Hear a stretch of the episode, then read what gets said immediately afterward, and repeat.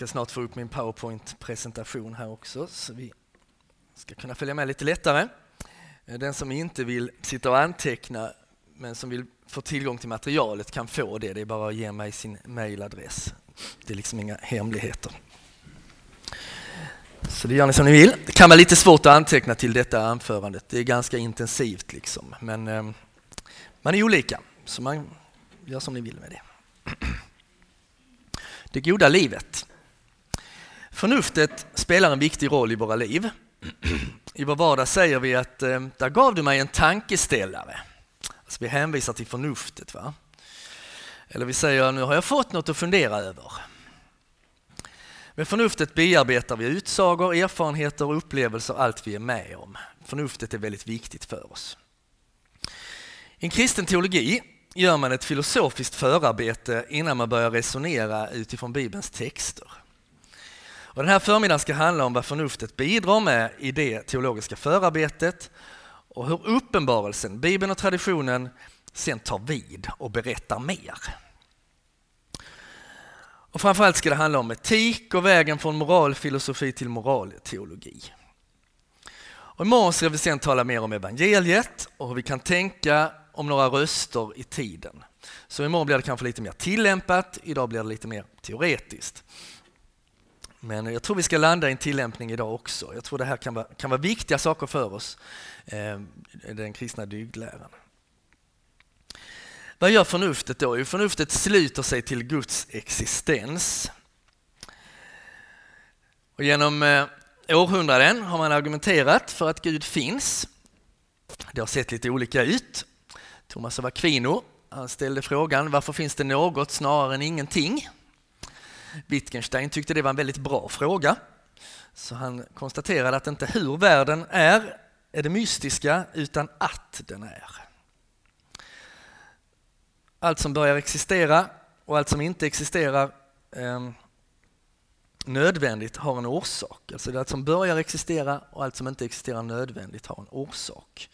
Och när kedjan av alla naturvetenskapliga förklaringar är sluten så återstår det ändå att förklara varför allting finns, varför det finns något snarare än ingenting. Så resonerar Wittgenstein och, och Aquino. I linje med det resonerar man också från medeltiden och framåt att om det finns en mening i livet så måste det också finnas en mening med livet. Om det finns ett syfte med bina och vägarna och månen och tallkottkörteln, nästan alla delar i naturen, varför skulle det då inte finnas en mening med allt? En passning i en fotbollsmatch är meningsfull för att hela matchen är meningsfull. Och om det finns en mening med livet så finns det naturligtvis en Gud och finns det ju en tanke med livet, någon som har velat livet och tänkt det. Annars finns det ju bara en mening i livet.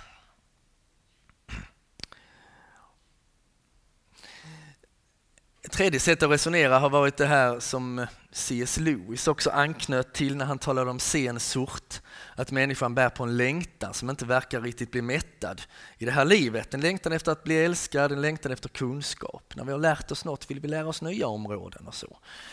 Ehm, och hennes bestämmelse verkar då ligga bortom krafterna i hennes natur.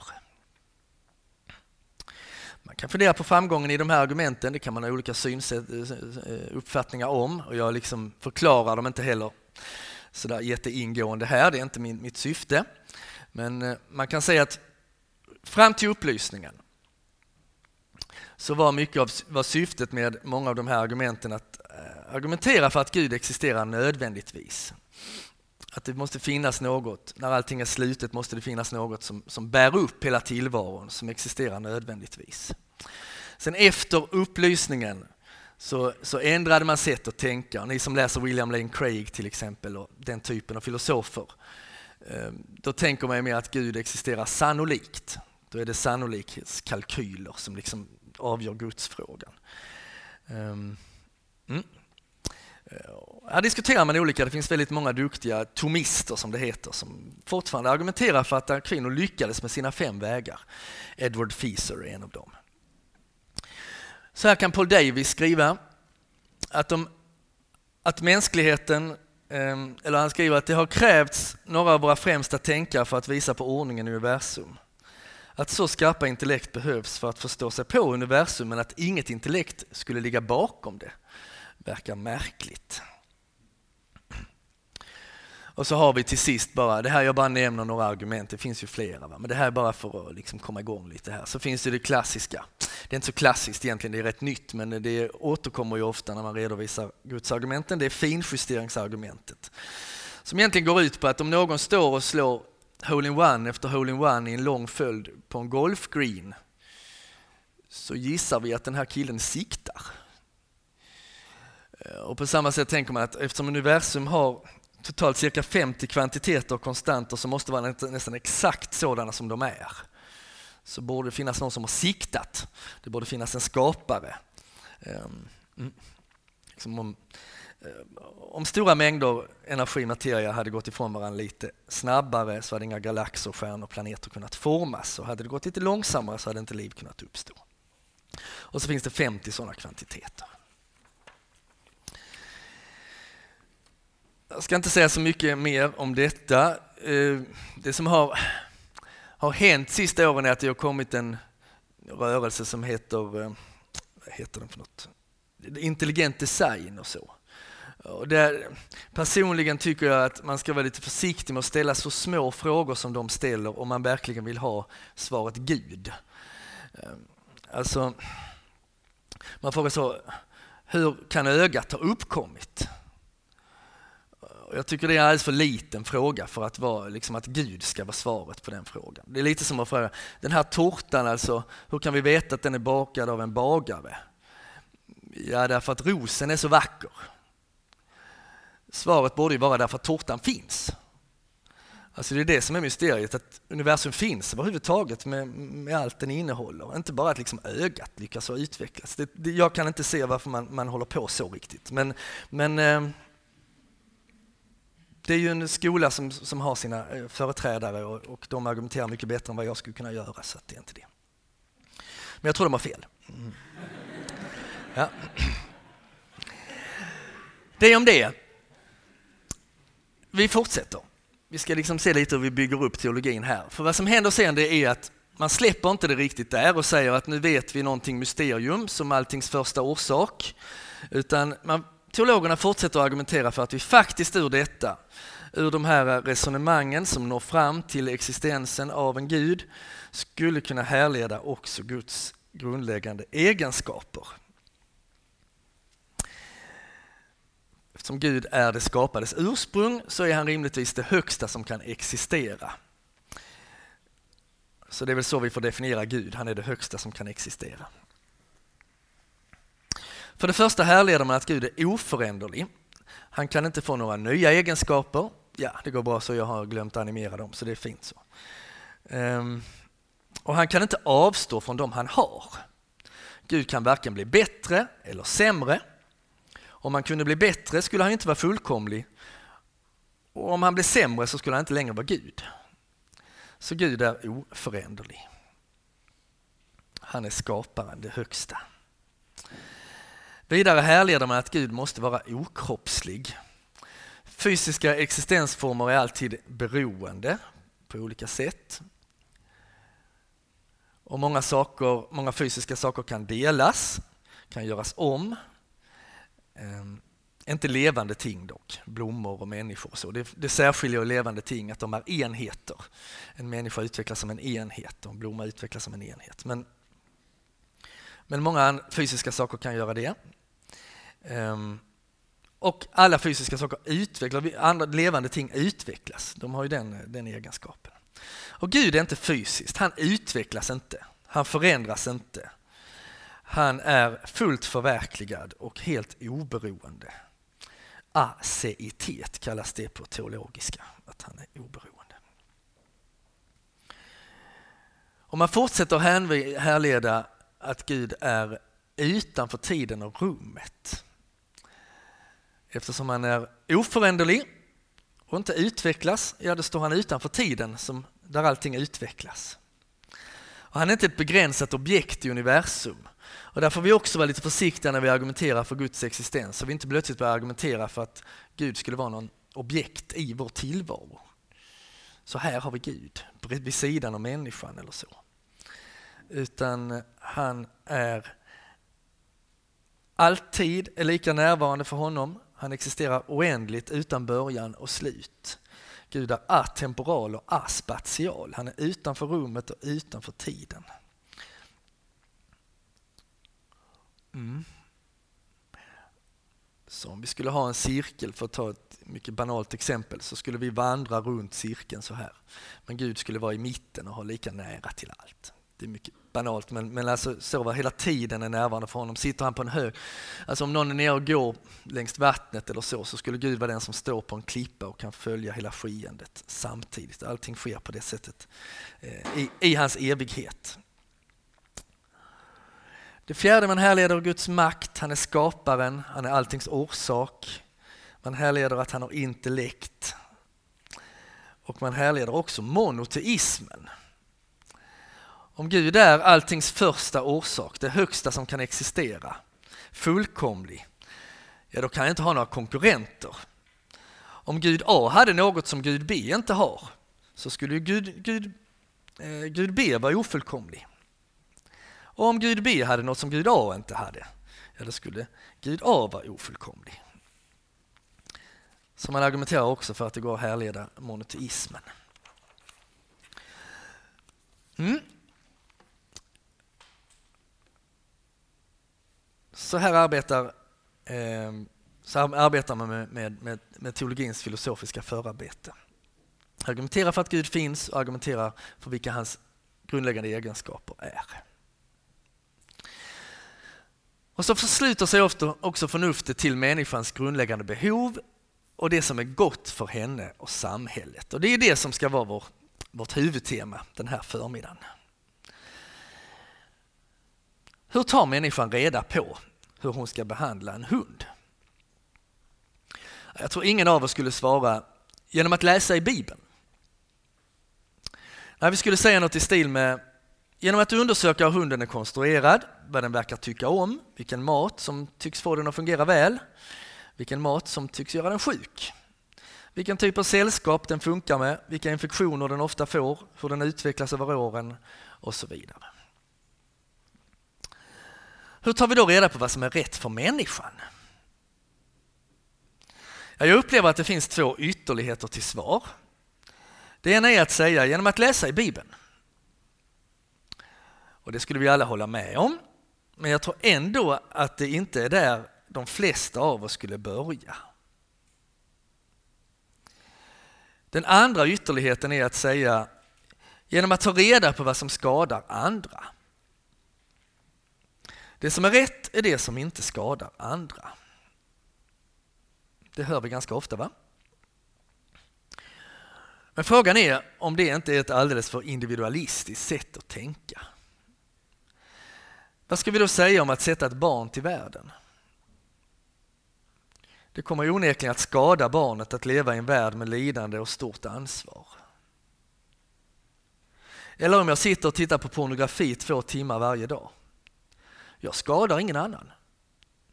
Men frågan är vad som händer med min syn på kvinnor, på kärleken, på sexualiteten och hur det i längden påverkar min omgivning och mitt sätt att relatera till andra. Jag tror överhuvudtaget att det inte går att leva utan att ens val går ut över andra.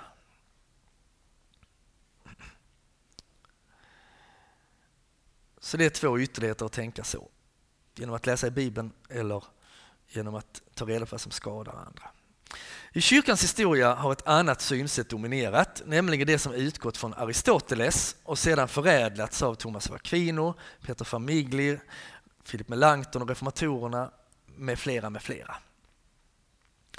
Man har börjat sin etiska reflektion med att fundera ingående över hur människan är beskaffad, vilka hennes behov är, vad som får henne att fungera väl. I stunden kan något kännas rätt som inte är rätt för personen i det långa loppet. Etik handlar om att förstå människans natur och fastställa hur den förverkligas. Människan blir god genom att eftersträva det som förverkligar människan såsom människa. som främjar den mänskliga naturen, som främjar samvaron.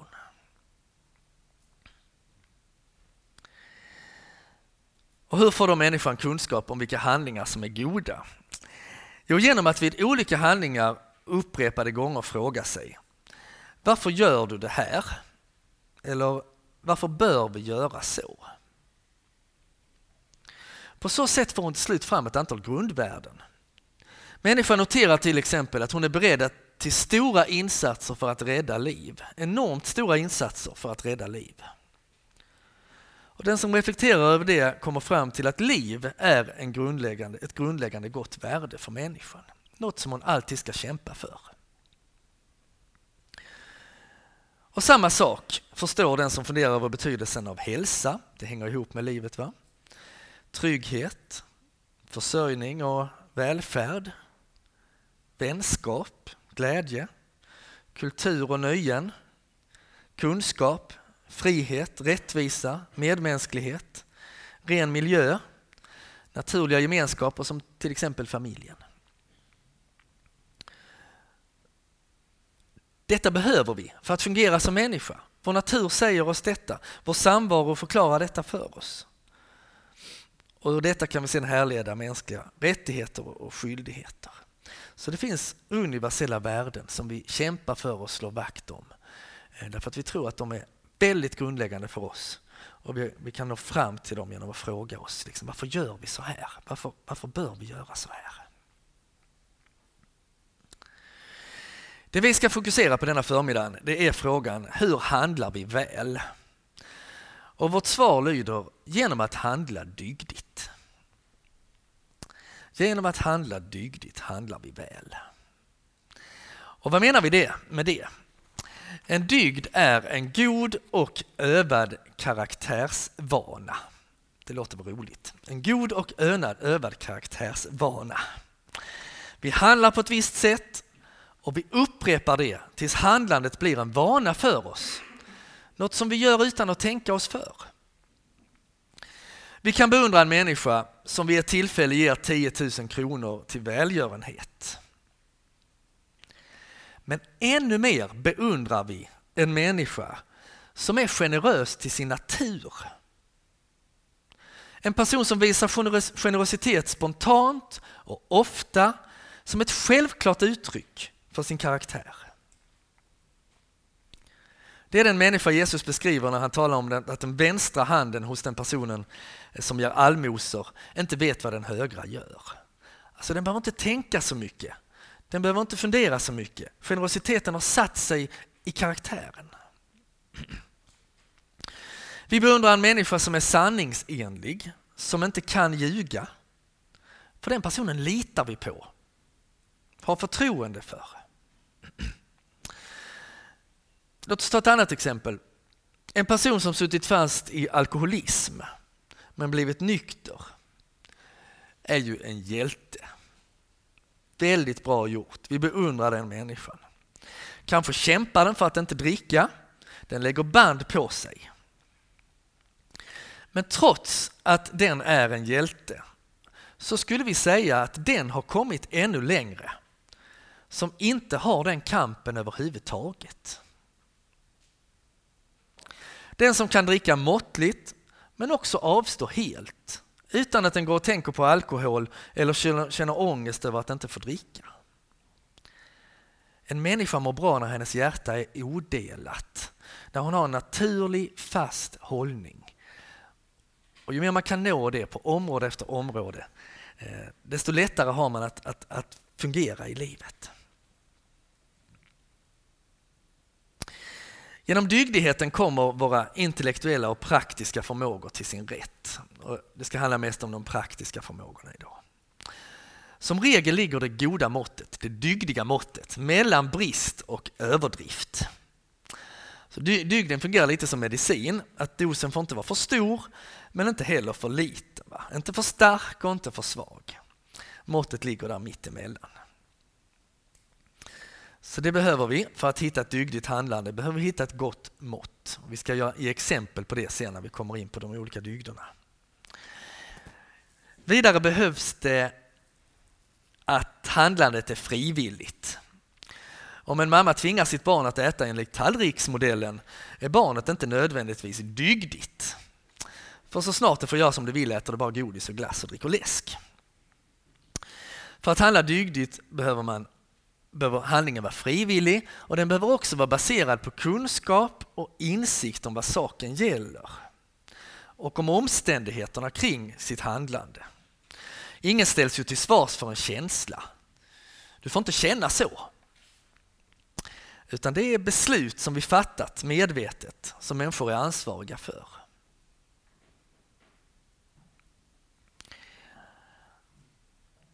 Men hur ska vi då lyckas med detta? Hur ska vi bli dygdiga människor med en god karaktär, avvägd karaktär?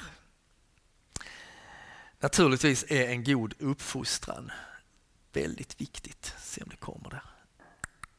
Yes, tack.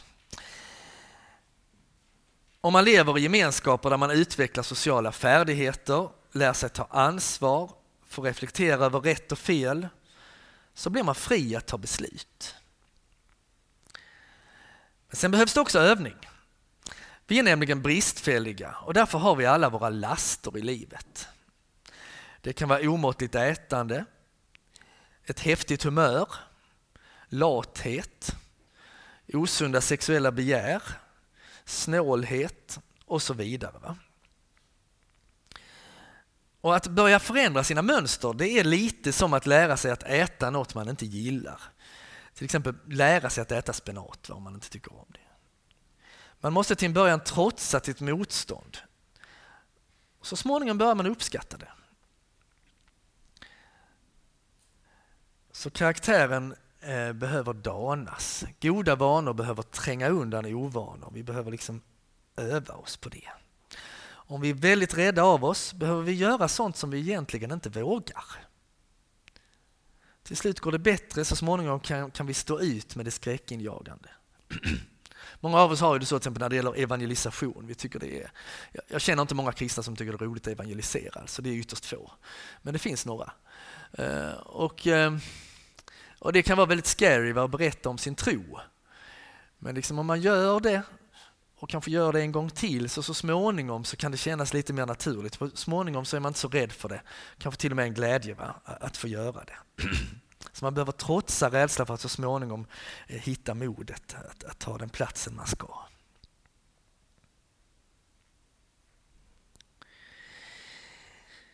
I vår tid tänker vi att livet handlar om utveckling. Men exempelvis den danske psykologen Sven Brinkman har invänt mot det i sin bok Stå fast som blev väldigt omdebatterad eh, förra året och för förra året.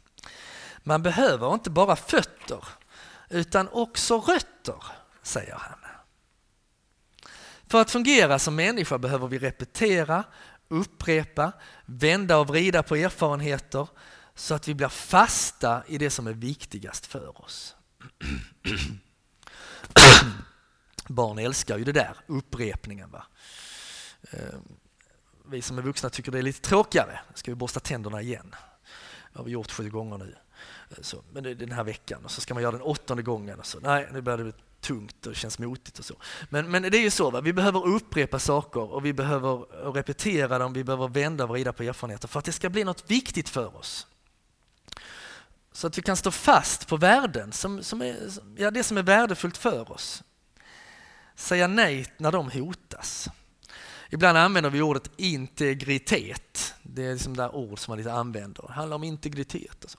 Eh, och det betyder egentligen eh, att eh, människan hänger ihop. Det hon säger, det hon tänker, det hon gör grundar liksom en enhet. Va? Hon är enhetlig vilka värden hon försvarar. Hon vet liksom vem hon är, eh, sätter gränserna rätt. Eh, hon är integrerad, sammanhang. Och Det tror jag att dygderna hjälper oss med. Dygdighet hjälper oss att bli eh, integrerade personer, att få den integriteten. Vi vet vad vi vill kämpa för och vad vi vill värna om.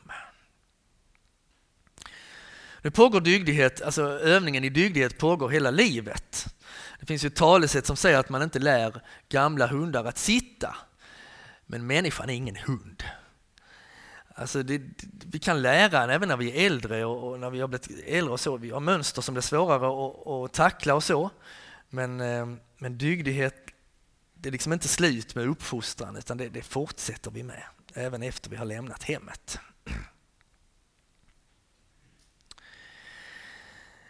Dygdetikerna gör två anspråk. Det tror jag det är nästa slice. De säger att ju mer dygdiga vi blir, desto friare blir vi som människor. Vi tänker lätt att frihet handlar om flest antal valalternativ. Ju fler sorters yoghurt i hyllan på ICA, desto friare är vi som konsumenter. Men sanningen är nog snarare att vi blir fria genom att hitta det vi tycker om och som är bra för oss. Det är så livet blir behändigt och vi slipper stå en timme och gå igenom varje yoghurtsmak. När vi fått goda karaktärsvanor, dygder, handlar vi naturligt rätt utan att fundera så mycket på det. Vi börjar liksom landa i livet. Så vi blir fria genom att hitta dygderna, att leva dygdigt. Det andra anspråket som dygdetikerna gör är att dygdighet är vägen till lyckan. Allt människan eftersträvar, eftersträvar hon i slutändan för lyckans skull. Nu är ju njutning en del av lyckan, det säger sig självt. Men den är inte allt. Låt oss leka med tanken att vi fick välja mellan att leva de liv vi nu lever eller att vara inpluggade i en elektronisk maskin som stimulerade våra hjärnor till att uppleva att vi var rika, vackra, kunniga, att vi vann ett maraton, att vi upptäckte, upptäckte botemedel mot cancer eller skrev ett världsberömt eh, drama eller en bok eller så. De flesta av oss skulle nog ändå välja att fortsätta de liv vi lever nu. Lyckan är inte bara maximal känsla av eh, njutning och framgång. När vi finner lyckan genom att fråga oss vilka mål som innebär störst glädje för oss själva och andra och att sträva mot dem. Få en karaktär, en dygdighet som främjar dem. Det är mycket i livet som vi avstår från därför att vi vet att det ger oss glädje längre fram eh, om vi inte bara följer våra impulser. Ni har säkert hört det här talesättet, om det kommer här kolla om det finns. Jo, så en tanke och skörda en handling. Så en handling och du skördar en vana. Så en vana och du skördar en karaktär. Så en karaktär och du skördar ditt öde. Har ni hört det förr? Några av er? Nej, det var nytt för några. Men det ligger mycket i detta. Det våra eventuella barn kommer att minnas oss för, det är vår karaktär läggtider och tillrättavisningar och så visst, men, men var vi dygdiga människor? Det är det de bär med sig. Hade vi en fast pålitlig karaktär mådde de bra av att vara nära oss.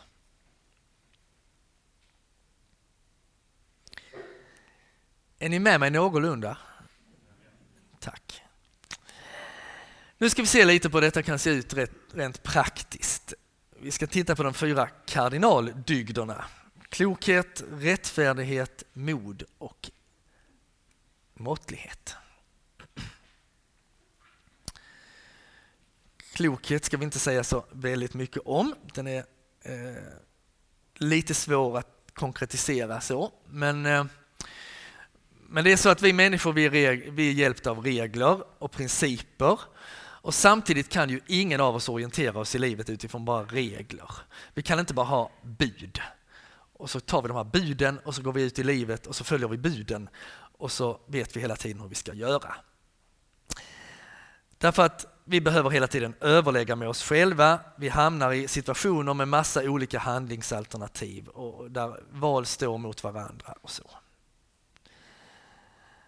Och medan vi gör det, medan vi överväger med oss själva och medan vi utför det vi tror är en klok handling så eh, kan vi distraheras hela tiden av sidospår och, och impulser. Och då gäller det att ha en fast karaktär. att fokusera rätt och konsekvent. Och Det är därför klokheten är en dygd, en karaktärsvana. Den som förvärvat den och uppövat den kan helt igenom själva handlingen hålla fast vid sin bedömning om vad situationen kräver. Och Så är det till exempel för, för brandmän kan man tänka sig, som skulle kunna distraheras av en massa olika saker i ett hus som brinner. Men de har liksom en, en blick för att det är detta som ska göras. De har den klokheten i sig. Att det här ska fokuseras på, vi distraheras inte av att de här står och kastar sten eller vad nu som händer. Och ju starkare klokheten i oss är, desto lättare får vi att fatta goda beslut under helt olika omständigheter. Mm. Vi ska inte säga mer om klokhet, utan vi nöjer oss så. Det handlar om att eh, helt igenom själva handlingen hålla fast vid sin bedömning av vad situationen kräver. Rättfärdigheten, den andra dygden här, det vägleder viljan och den förmår att ge var och en vad som tillkommer den. Det är därför vi talar om att vi ska älska Gud av hela vårt hjärta. Va? Därför att Gud tillkommer ju hela våra liv. Alltså han, han ska ju ha hela våra liv. Eh, och rättfärdighet handlar om detta. Det som tillkommer eh, personen, det, det ska den ha. Och för att vi ska fungera väl tillsammans behöver vi främja det gemensamma goda det som är gemensamt gott. Vi är ju sociala varelser. Aristoteles säger att människan är av naturen en samhällsvarelse. Vänskap, utbildning, handel. Alltså det krävs förenade krafter. Vi, vi lever i gemenskap med varandra. Rättfärdighetens dygd vägleder hur samhället organiseras. Staten behöver ta upp skatt, distribuera välfärd, ge skydd, reglera handel, straffa och så vidare. Det vägleder våra relationer. Ärlighet, omtänksamhet, känslomässigt engagemang, sannfärdighet, trohet, sveklöshet. Det är liksom rättfärdighetens dygder. Du kan lita på mig. Jag är rättfärdig. Privat ägande är en sån här stor issue när man kommer till rättfärdighetens dygd. Hur ska vi tänka kring det? Vi behöver privat ägande för vi tar ju bättre hand om det vi själva äger. Att ta initiativ till att måla i sin egen lägenhet är liksom lättare än att göra det i klubblokalen eller i, i församlingshemmet eller så. Vi värnar, vi värnar om det som är vårt Eh, och där vi håller till på dagarna. Däremot är det inte okej okay att endast se till sitt eget eller att låta sina ägodelar endast komma sig själv till del. Vi köper inte en soffa för att bara sitta i den själva. Utan rättvisan, visst, att vissa har mer än andra, så måste det vara. Självklart måste det vara så. Men rättvisans dygd säger att det är inte okej okay att vissa har extremt mycket och andra har extremt lite.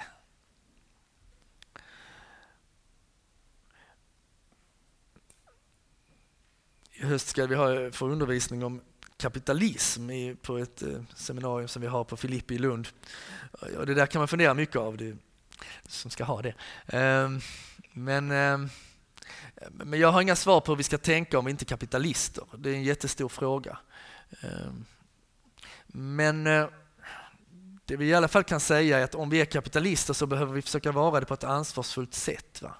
Fundera på hur konsumerar vi? Carl-Johan Wallgren, som är en författare, eh, han flyttade till Berlin ett tag för han var så trött på Sverige. Han tyckte allting hade bara börjat handla om, om mig och min njutning. Han tyckte det var ren pornografi, va? sen flyttade han tillbaka igen efter några år. Men, men jag menar, det handlar hela tiden om bästa råvaror i maten, och luxuösa renoveringar, exotiska semestrar. Det handlar bara om mig och min njutning alltihop. Och här säger rättfärdighetens dygd då att vi får nog vara lite försiktiga. Ehm, tänk på det gemensamma goda. Tänk inte bara på dig och ditt och dina och din, ditt välmående. Det finns fler än du. Ehm, så någon sorts fördelning också bland det vi äger. Generositet.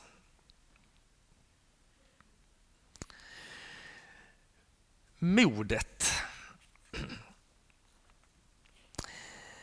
Människan har en aggressivitet i sig, ett humör, ett, ehm, en vrede. Och det är väldigt viktigt. Men naturligtvis behöver den styras. Och de här orden av Aristoteles är egentligen väldigt självklara, men inte alls självklara. Så här säger han. Den som vredgas över sådant som man bör vara ond på och gör det gentemot rätta personer på ett riktigt sätt vid det rätta tillfället och under skälig tidsrymd är föremål för beröm. Alltså, hur arg ska man vara? ja, det finns vissa gränser. Va? Man ska vara arg på rätt personer, inte på fel personer, inte skälla ut en person som inte har gjort något. Man ska inte vara arg hur länge som helst. Det finns liksom ett mått. Man ska inte vara hur arg som helst för minsta lilla. Så säger Aristoteles. Va? Eh, och tvärtom, man kan vara för lite arg. Men liksom när man inte sätter gränsen. Alltså, här blir jag kränkt. Jag kan inte acceptera att bli behandlad på det här sättet. Det är väldigt viktigt att vi har den aggressiviteten i oss och kan sätta de gränserna. Vi behöver skydda oss själva och vi behöver lära vår omgivning var, var vi börjar och slutar så att säga. Det goda behöver skyddas, därför har vi en aggressivitet i oss, ett humör, en vrede. Mod är en mellanväg mellan feghet och dumhet, kan man säga. Mellan feghet och dumdristighet. Vi ska inte äventyra vårt liv och vårt välmående genom att i alla situationer utmana farorna. Vi ska liksom inte bara springa ut i ett krig sådär bara, hej här är jag, nu skjuter vi lite. Så. Utan man behöver en strategi och, och se till att skydda sig själv. Men vi ska inte heller dra oss tillbaka från det som är förnuftigt och som kräver vår insats. Och det här är inte lätt. Verkligen inte lätt. Det är många gånger vi är rädda. Va? Det händer saker och vi tänker här hade jag kanske behövt ingripa, här hade jag behövt säga ifrån. Men jag vågade inte. Eh, jag kan tänka många olika plan. Även i församlingarna ibland. Människor beter sig illa, man hade behövt liksom säga att nu, nu får det förändras, det här går inte längre. Så kanske man är rädd för att göra det. Man vill inte stöta sig och man vill, inte, man vill liksom bevara förtroendet och så vidare. Men mod är en dygd, det är en karaktärsvana. Den som är modig håller beslutsamt ut även i svåra omständigheter när den ser att det behövs. Så är det för en ledare, så är det för en regering. En regering behöver kunna stå fast, vägra vika ner sig, även om, eh, om liksom den har hot mot sig eller även om andra regeringar kritiserar den. En soldat behöver vara beredd att lida, kanske till och med dö för det rättvisa samhällets existens och säkerhet. Det finns en psykolog från Dalarna som heter Göran Larsson och har skrivit en bok om skam som är väldigt läsvärd faktiskt. Men han skriver så här om rädslan. Rädsla är vår sämsta rådgivare. Den får oss att tro att all trygghet är bättre än otrygghet. När rädslan tillåts att viska sina ängsliga sanningar i våra hjärtan kan vi komma att tro att trygghet är detsamma som att hålla fast vid gamla föreställningar och begränsningar om vem jag är och att otrygghet är att upptäcka nya sidor och förmågor hos mig själv. Alltså det han säger här är att tryggheten gör att vi inte vågar ta nya steg, vågar inte gå ut på osäker ny mark, utan vi håller oss hela tiden kring, kring det, vi, det vi känner oss trygga med och säkra med. Och för den som kämpar mycket med skam så är det här ju e- extra kännbart. Va? Eh, att eh, den som är skam, kämpar mycket med skam sliter ju om sig. Skammen är liksom som ett unket täcke som, som ligger över oss. Och, och under det ligger alla våra drömmar och all vår längtan. Men liksom det kommer inte ut, vi vågar inte ta plats med det. För, för vi, vi, känner skam över oss själva eller i olika situationer känner vi skam över oss själva. Och då blir rädslan liksom en rådgivare till oss. Gör inget nytt, trotsa inte rädslan. Nästan alla som söker till exempel terapi i stort sett alla som går i terapi har, eh, har kommit till den punkten att smärtan blir större än skammen. Jättemånga av oss kanske vi har levt med det, vi har tänkt att jag hade egentligen behövt prata med någon om detta, men skammen är så stor. Jag skäms för att berätta om det här och så går vi inte och pratar med någon och så går vi där så blir skammen bara större för åren som går. Och till slut är det sådär oumbärligt, eller eh, vad ska man säga, ohanterligt. Och då till slut så säger vi bara att nu är smärtan så stor att nu får jag trotsa den här skammen och träffa någon och prata ut om detta som har hänt eller detta jag känner och så. Mm, det är om det. Men eh, mod är en dygd. Att se, här behövs min insats, nu gör jag det, jag tvekar inte. Men eh, i början handlade det om mod om att göra det jag egentligen inte vågar. Och i många situationer handlar det om det. Jag ser att det här är rätt och då gör jag det även om jag är rädd.